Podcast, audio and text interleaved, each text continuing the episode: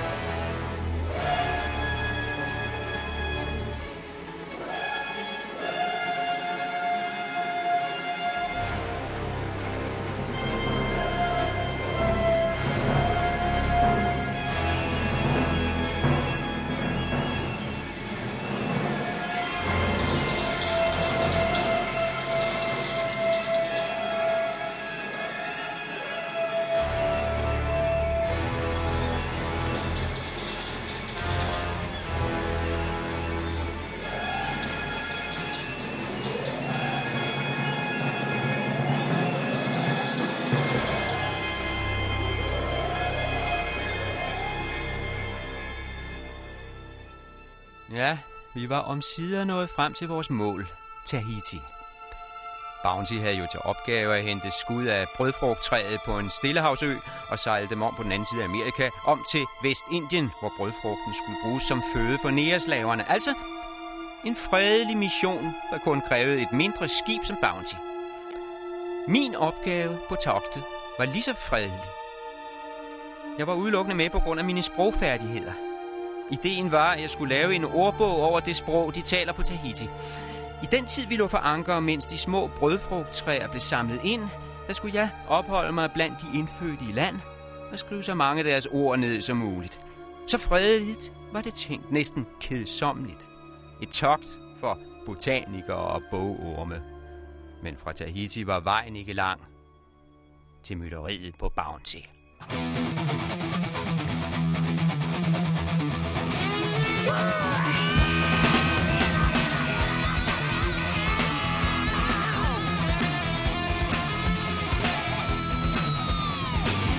a sense of irony, you see is chasing their illusions. Take a dive and sink or swim, but in the end you're in the same pollution. In your world, escape is swift. The nonsense list is all you need to know.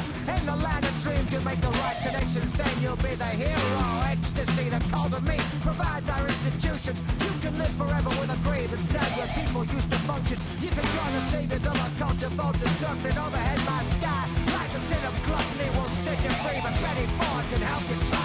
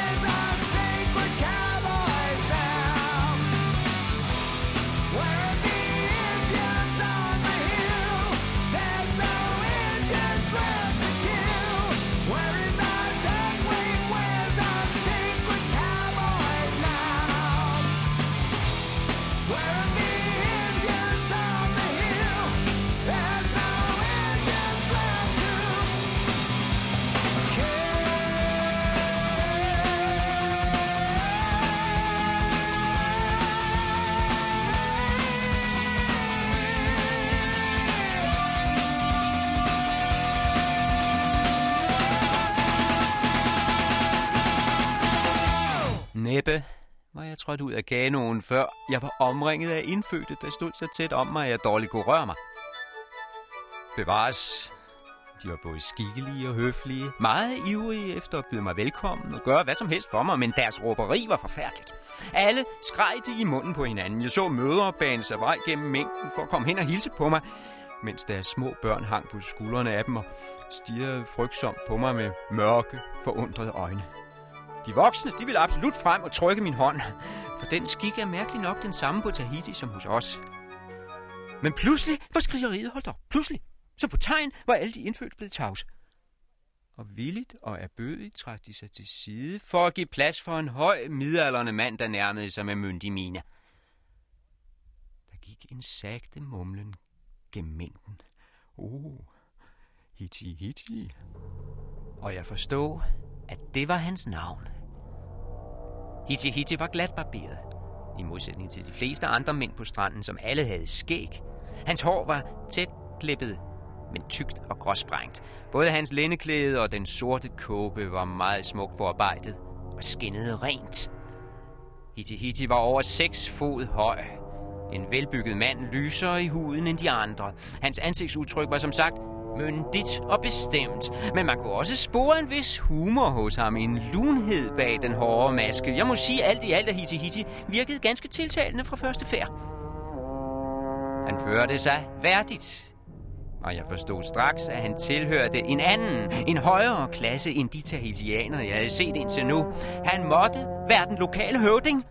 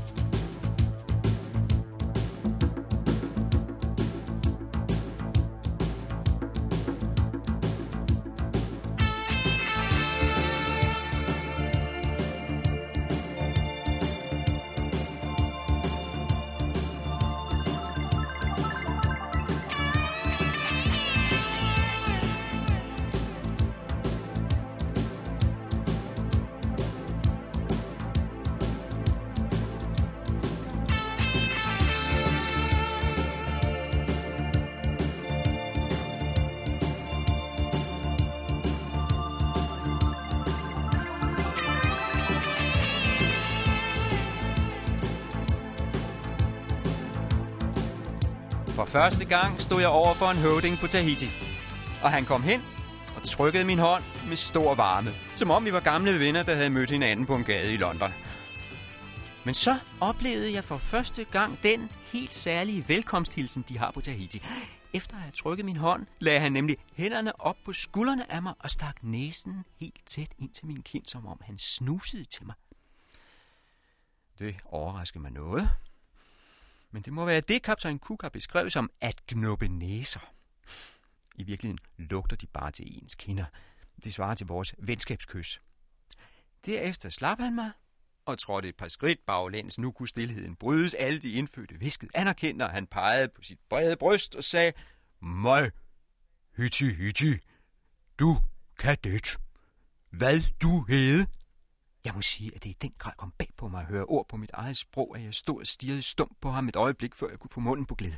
En indfødt, der talte engelsk. Det var netop, hvad hans stammefælder havde håbet på, at jeg skulle blive forbløffet over, at de havde en mand iblandt sig med så umådelige evner for sprog som Hiti Hiti. Og jeg levede til fuld op til deres forventninger. Jeg var lamslået, stod på en ø midt i Stillehavet og hørte mit hjemlands sprog. I en noget gebrokken udgave ganske vist, men dog en slags engelsk. I am he as you are, he as you are me, and we are all together.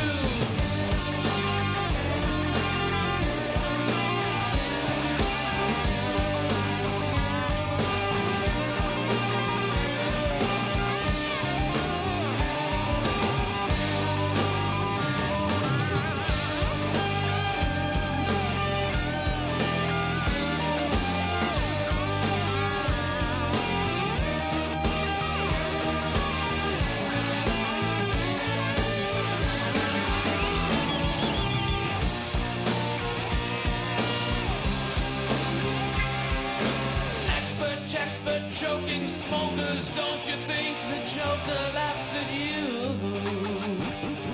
See how they smile like pigs in a sty. See how they snide. I'm Jo, jeg var virkelig forbløffet over at høre engelske ord komme ud af munden på en indfødt høvding på Tahiti. Og det var han meget tilfreds med. Han smilede bredt, da han gentog sit spørgsmål. Hvad du hedder?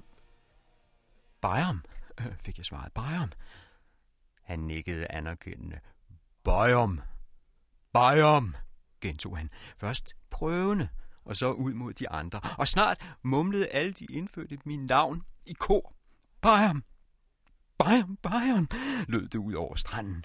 Hitti Hitti slog sig for brystet. Mig sejle, kaptajn Cook. 14 år nu. Han havde altså gået og husket på de engelske ord i alle de år, der var gået siden Cook var her. Men på det tidspunkt, der havde jeg intet andet ønske end at få en slurk vand. Den høje sol, det sorte sand og havets evige brusen i baggrunden fik en til uafladelig at tænke på tørst og på friskt, køligt ferskvand fra en rislende kilde. Vand! Og det skulle ikke være det lunkne, overgemte brakvand ude i tønderne på Bounty. Så jeg spurgte forsigtigt, om jeg kunne få lidt at drikke. Hitti Hitti greb min hånd. Og samtidig gav han en eller anden ordre til et par af de unge mænd, som for afsted med det samme. Høvdingen tog mig altså i hånden og førte mig op ad skrænten. En temmelig stejl skrænt. Op til et halvtag, der var anbragt øverst op på skrænten. En form for lysthus. En lille pavillon, kan man sige, som han havde fået bygget, så han altid kunne sidde under tag i den kølende skygge og overskue hele bugten. Og næppe var vi trådt ind i lysthuset, før det vrimlede med unge piger. De havde åbenbart stået parat hele tiden. Og nu var de i fuld gang med at brede modder ud for os. For høvdingen og for mig. Ancient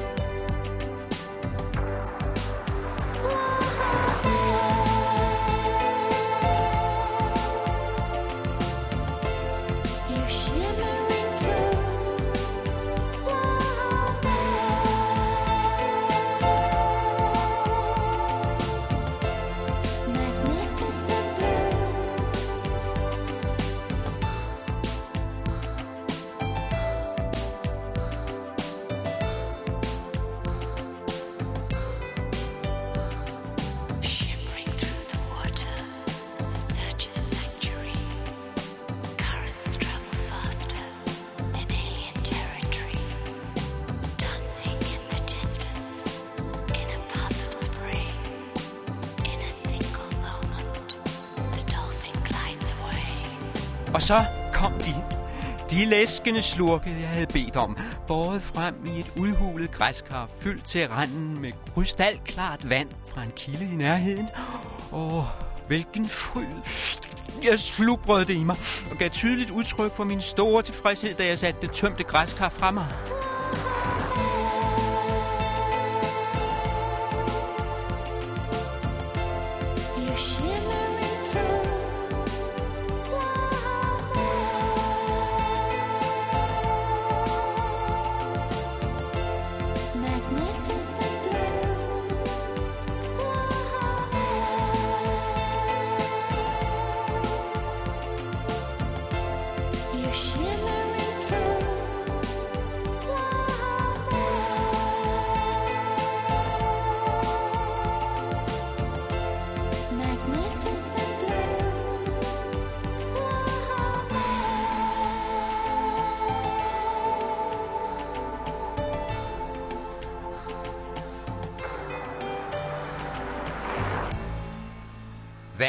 Var kun begyndelsen, for nu gav Hiti Hiti en ny besked, og man bragte mig en kokosnød med toppen hugget af, så man kunne hælde den søde saft direkte i munden.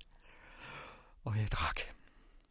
Jeg drak, og jeg søbede det i mig. Det var første gang, jeg smagte denne kølige, livsalige væske, som er Sydhavets svar på vin. Og samtidig bredte de bananer og anden frugt ud for fødderne af mig, smukt serveret på et kæmpemæssigt mørkegrønt bananblad, så jeg bare kunne tage for mig. Heller ikke disse frugter havde jeg nogensinde smagt før, men jeg kastede mig grådigt over dem, og jeg måtte sande, at det var de rene lækkerier. Jeg nåede dog ikke at spise op, før der kom et råb fra folkemængden, og alle vendte ryggen til lysthuset. Jeg ville også se. Jeg sprang op og så, at det var Bountys landgangsbåd, der styrede ind gennem brændingen med kaptajn Bly stående i stævnen.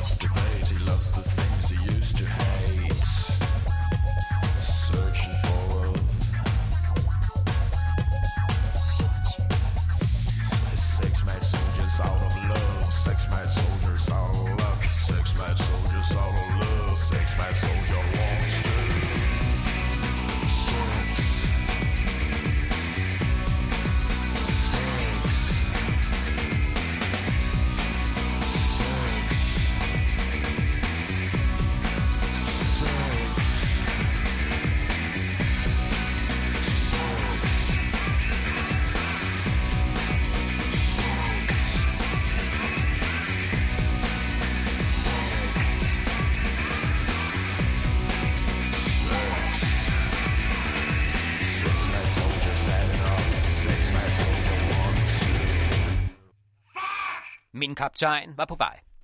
Alle havde glemt alt om mig. Nu var det blege og Bountys båd, det hele handlede om. Høvding var også sprunget op.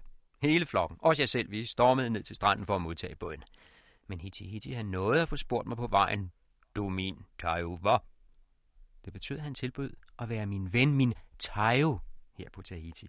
Hvis jeg ville, kunne jeg bo i hans hus, så længe vi blev, og på alle måder nyde godt af en høvdings gæstfrihed. Det var, hvad jeg enest ene hele tiden havde håbet. Men han ville åbenbart sikre sig, at jeg var indforstået, før han skulle tale med Bleje. Og Hiti Hiti blev der også den første, der fik lov til at hilse på vores kaptajn, da båden stod på stranden. Og de hilste hinanden som gamle venner. De kendte ovenkøbet hinandens navne. Hiti Hiti, min ven. Du er ikke det mindste forandret. Du er ikke blevet en dag ældre at se på, bortset fra et par grå hår. Over 10 år gået. Det er lang tid, grinede den indfødte høvding. Men du, Parai, du blev fed. Det lå sig ikke nægte. Pleje han måtte også le, da han følte efter om livet. Det ville være synd at sige, at han var blevet slankere med årene. Men det tog Hiti Hiti kun som et sundhedstegn, der, der, der, der vidnede om Blejes gode appetit. Du spiser stegt gris med os, brølede høvdingen begejstret. Kom med straks. Men, men, men hvor kaptajn Cook? Han snart også kom til Tahiti. Åh, sagde Blege, du mener min far? Hitti Hitti stoppede midt i en bevægelse og stirrede forbløffet på ham. Kaptajn Cook, din far? Ja, men naturligvis vidste I ikke det. Det fik høvdingen til at stå endnu et øjeblik i stum forundring. Men så vendte han sig om og hævede hånden for at mane de øvrige indfødte til tavshed. Han talte til sit folk, og jeg kunne høre ordet kuk. Resten forstod jeg ikke på det tidspunkt. Men man mærkede med det samme, at Hitihiti var en øvet taler. Hans stammefælder lyttede intenst, fulgte hvert af hans armbevægelser. Det var et meget højtidligt budskab, det var helt tydeligt. Det var en stor mand, han stod og talte om.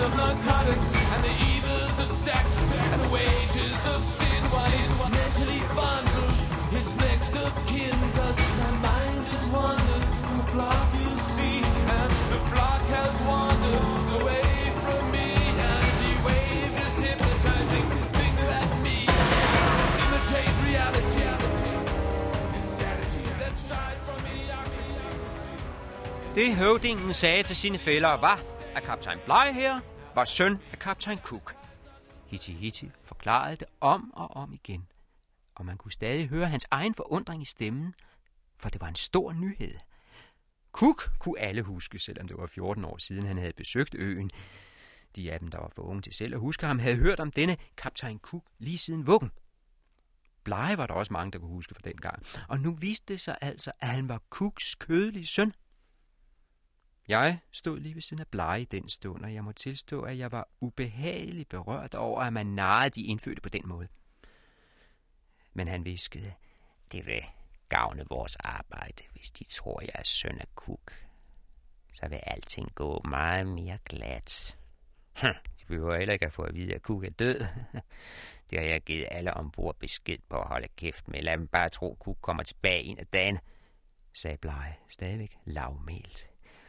Det vil lette vores arbejde utroligt. Han havde utvivlsomt ret. Det kunne jeg se på den erbødighed, de indfødte viste hver gang navnet Cook blev nævnt. Løgnen brød jeg mig ikke om, men hensigten helliger midlet, og det lå til at virke.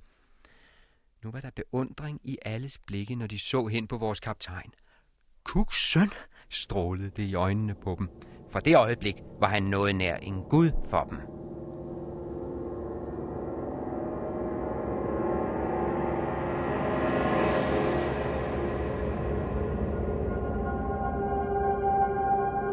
Et uskyldigt bedrag, vil nogen sige. Også jeg, for en lille hvid løgn, den skader ingen, og slet ikke en flok indfødte på den anden side af jordkloden.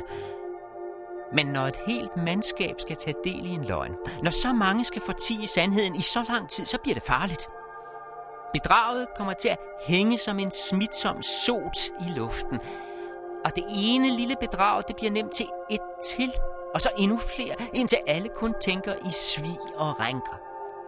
Må ikke de første farlige idéer slog rod i denne forgiftede atmosfære. Må ikke det var her, den onde sæd blev sået i folkene ombord. De tisselfrø, som skulle skyde op og blive til mytteriet på Bounty. Men nu blev der sat en kano i vandet for at hente mine ting ud på skibet. Og den nat sov jeg for første gang i min nye vens hus under min Tajos tag, hjemme hos Hiti Hiti, høvding over Mahina og Ahonu, og ypperste præst ved templet i Faroi, og med titlen Teatur Irihav. Det var en helt enestående chance, jeg havde fået at bo privat blandt de indfødte. Det var jeg den eneste ombord, der fik lov til, og kun fordi jeg skulle lære sproget på Tahiti og lave en ordbog. Der var syv-otte andre, der fik tilladelse til at blive i land, men de skulle sove i et telt nede på stranden. Det var det hold, der skulle finde brødfrugttræerne og samle dem ind. Resten, godt 30 mand, de måtte blive ude på Bounty, i princippet i hvert fald. Jeg havde, ene af alle, det held, straks at komme på nært hold af Tahiti. Så at sige, rykke ind i selve øens hjerte, for der skulle jeg bo og virke.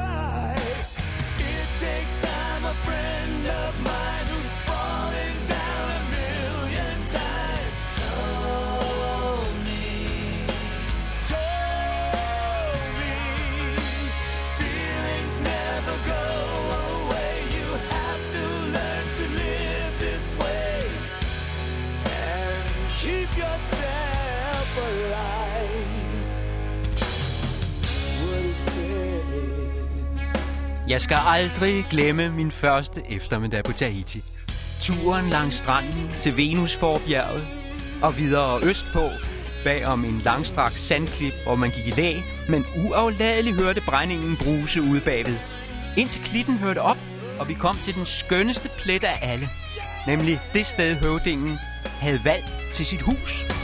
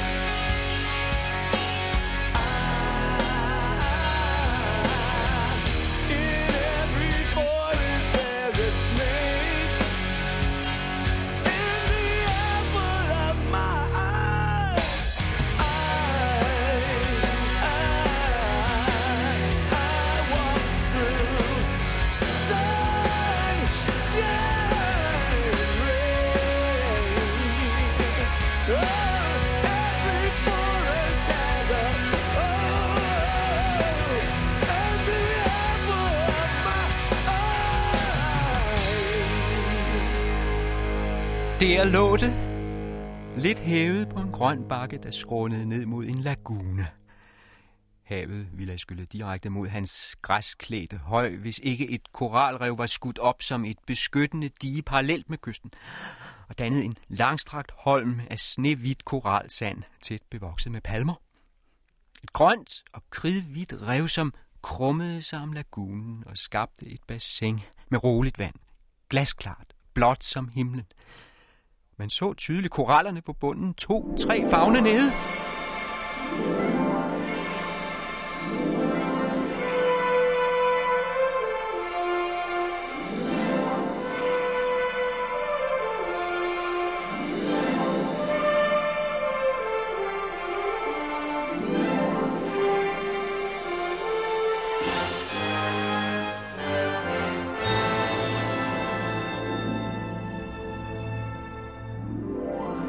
Jeg forstod i et nu, hvorfor Hiti Hiti havde valgt netop dette sted til sit hjem.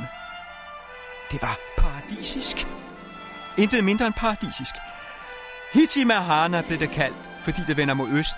Hiti Mahana. Den opgående sols lagune.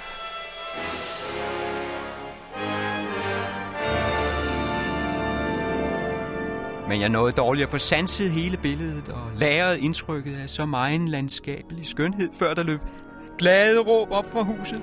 Og fem-seks unger kom tumlende ned ad græsgrænten for at løbe os i møde. Velskabte, velnærede børn. Høvdingens børnebørn. For skønt han kun var et halvt hundrede år gammel, var han bedstefar mange gange allerede.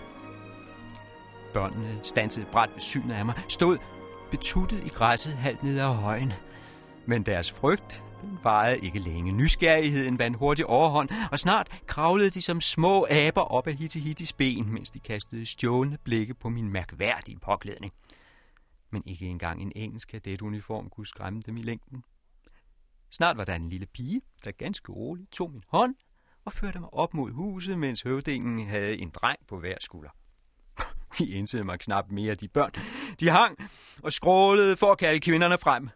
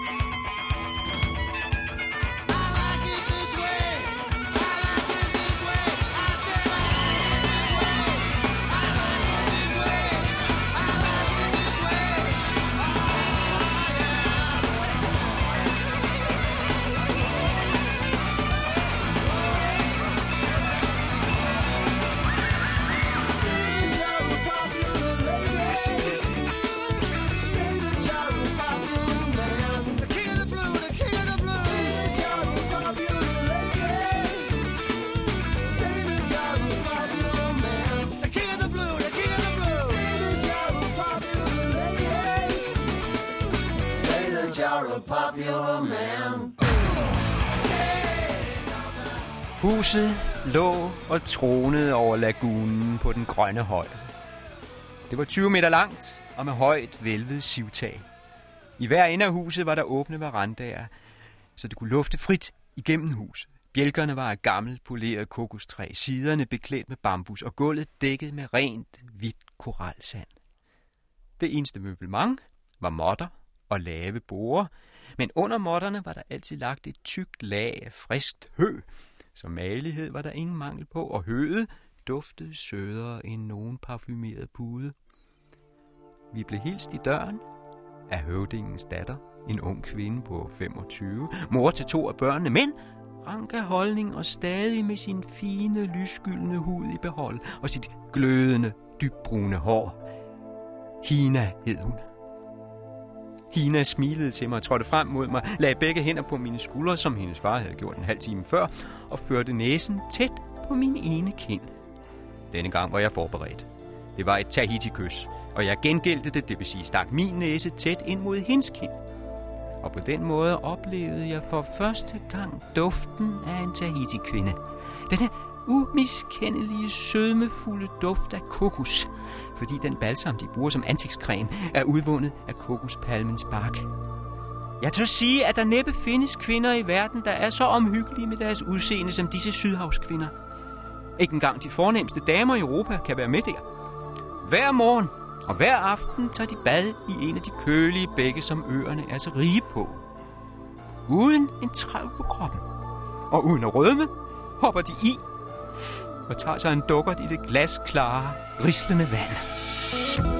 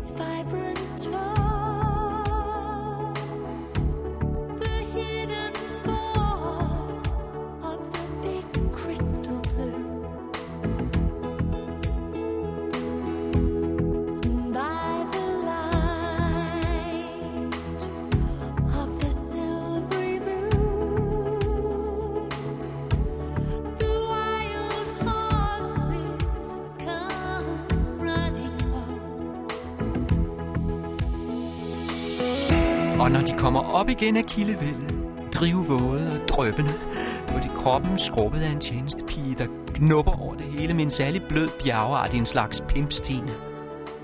Så bliver de gnedet ind i salve fra kokospalmen, og endelig bliver huden parfumeret med kronblade fra gardiniablomsten.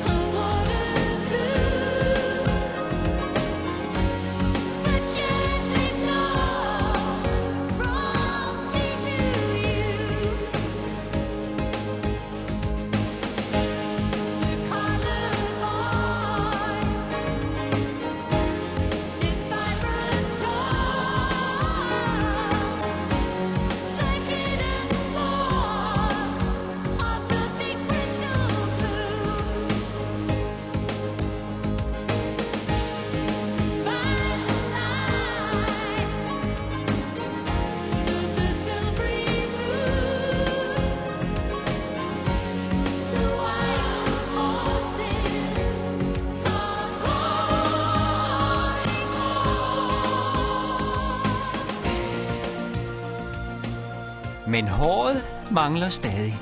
Det skal tørres og sættes op. Det bruger de gerne en time eller to på. Og lad mig understrege, at de stadig er så nøgne, som Gud har skabt dem.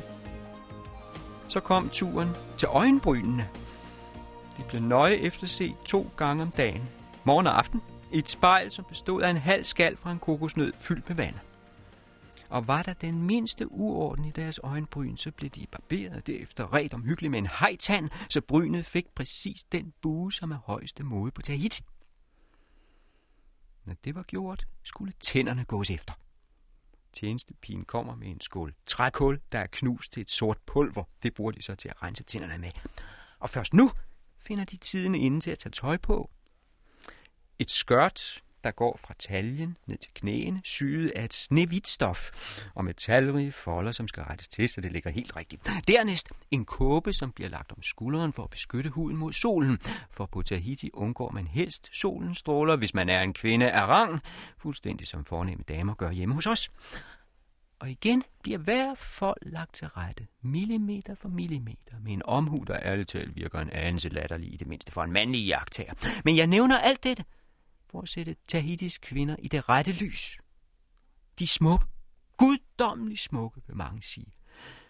Men de bærer deres skønhed med værdighed og pli. Deres fremtræden er fuldt ud så formfuld som vi finder det i de højeste kredse blandt kvinder af vores egen race. Deres væremåde er hverken for imødekommende eller for reserveret. I et og alt fører de sig som ægte adel, selv når de splitter nøgne.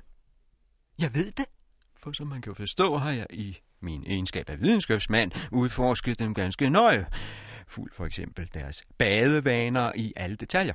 Dag efter dag, i al den tid jeg boede i Høvdingens hus, gang på gang har jeg set kvindernes våde kroppe glimte som delfiner i de kølende vandløb, og de drøbende lokker slange sig ned over deres gyldne hud. Og tro mig, ikke én gang har hverken de eller jeg følt sig generet derved. I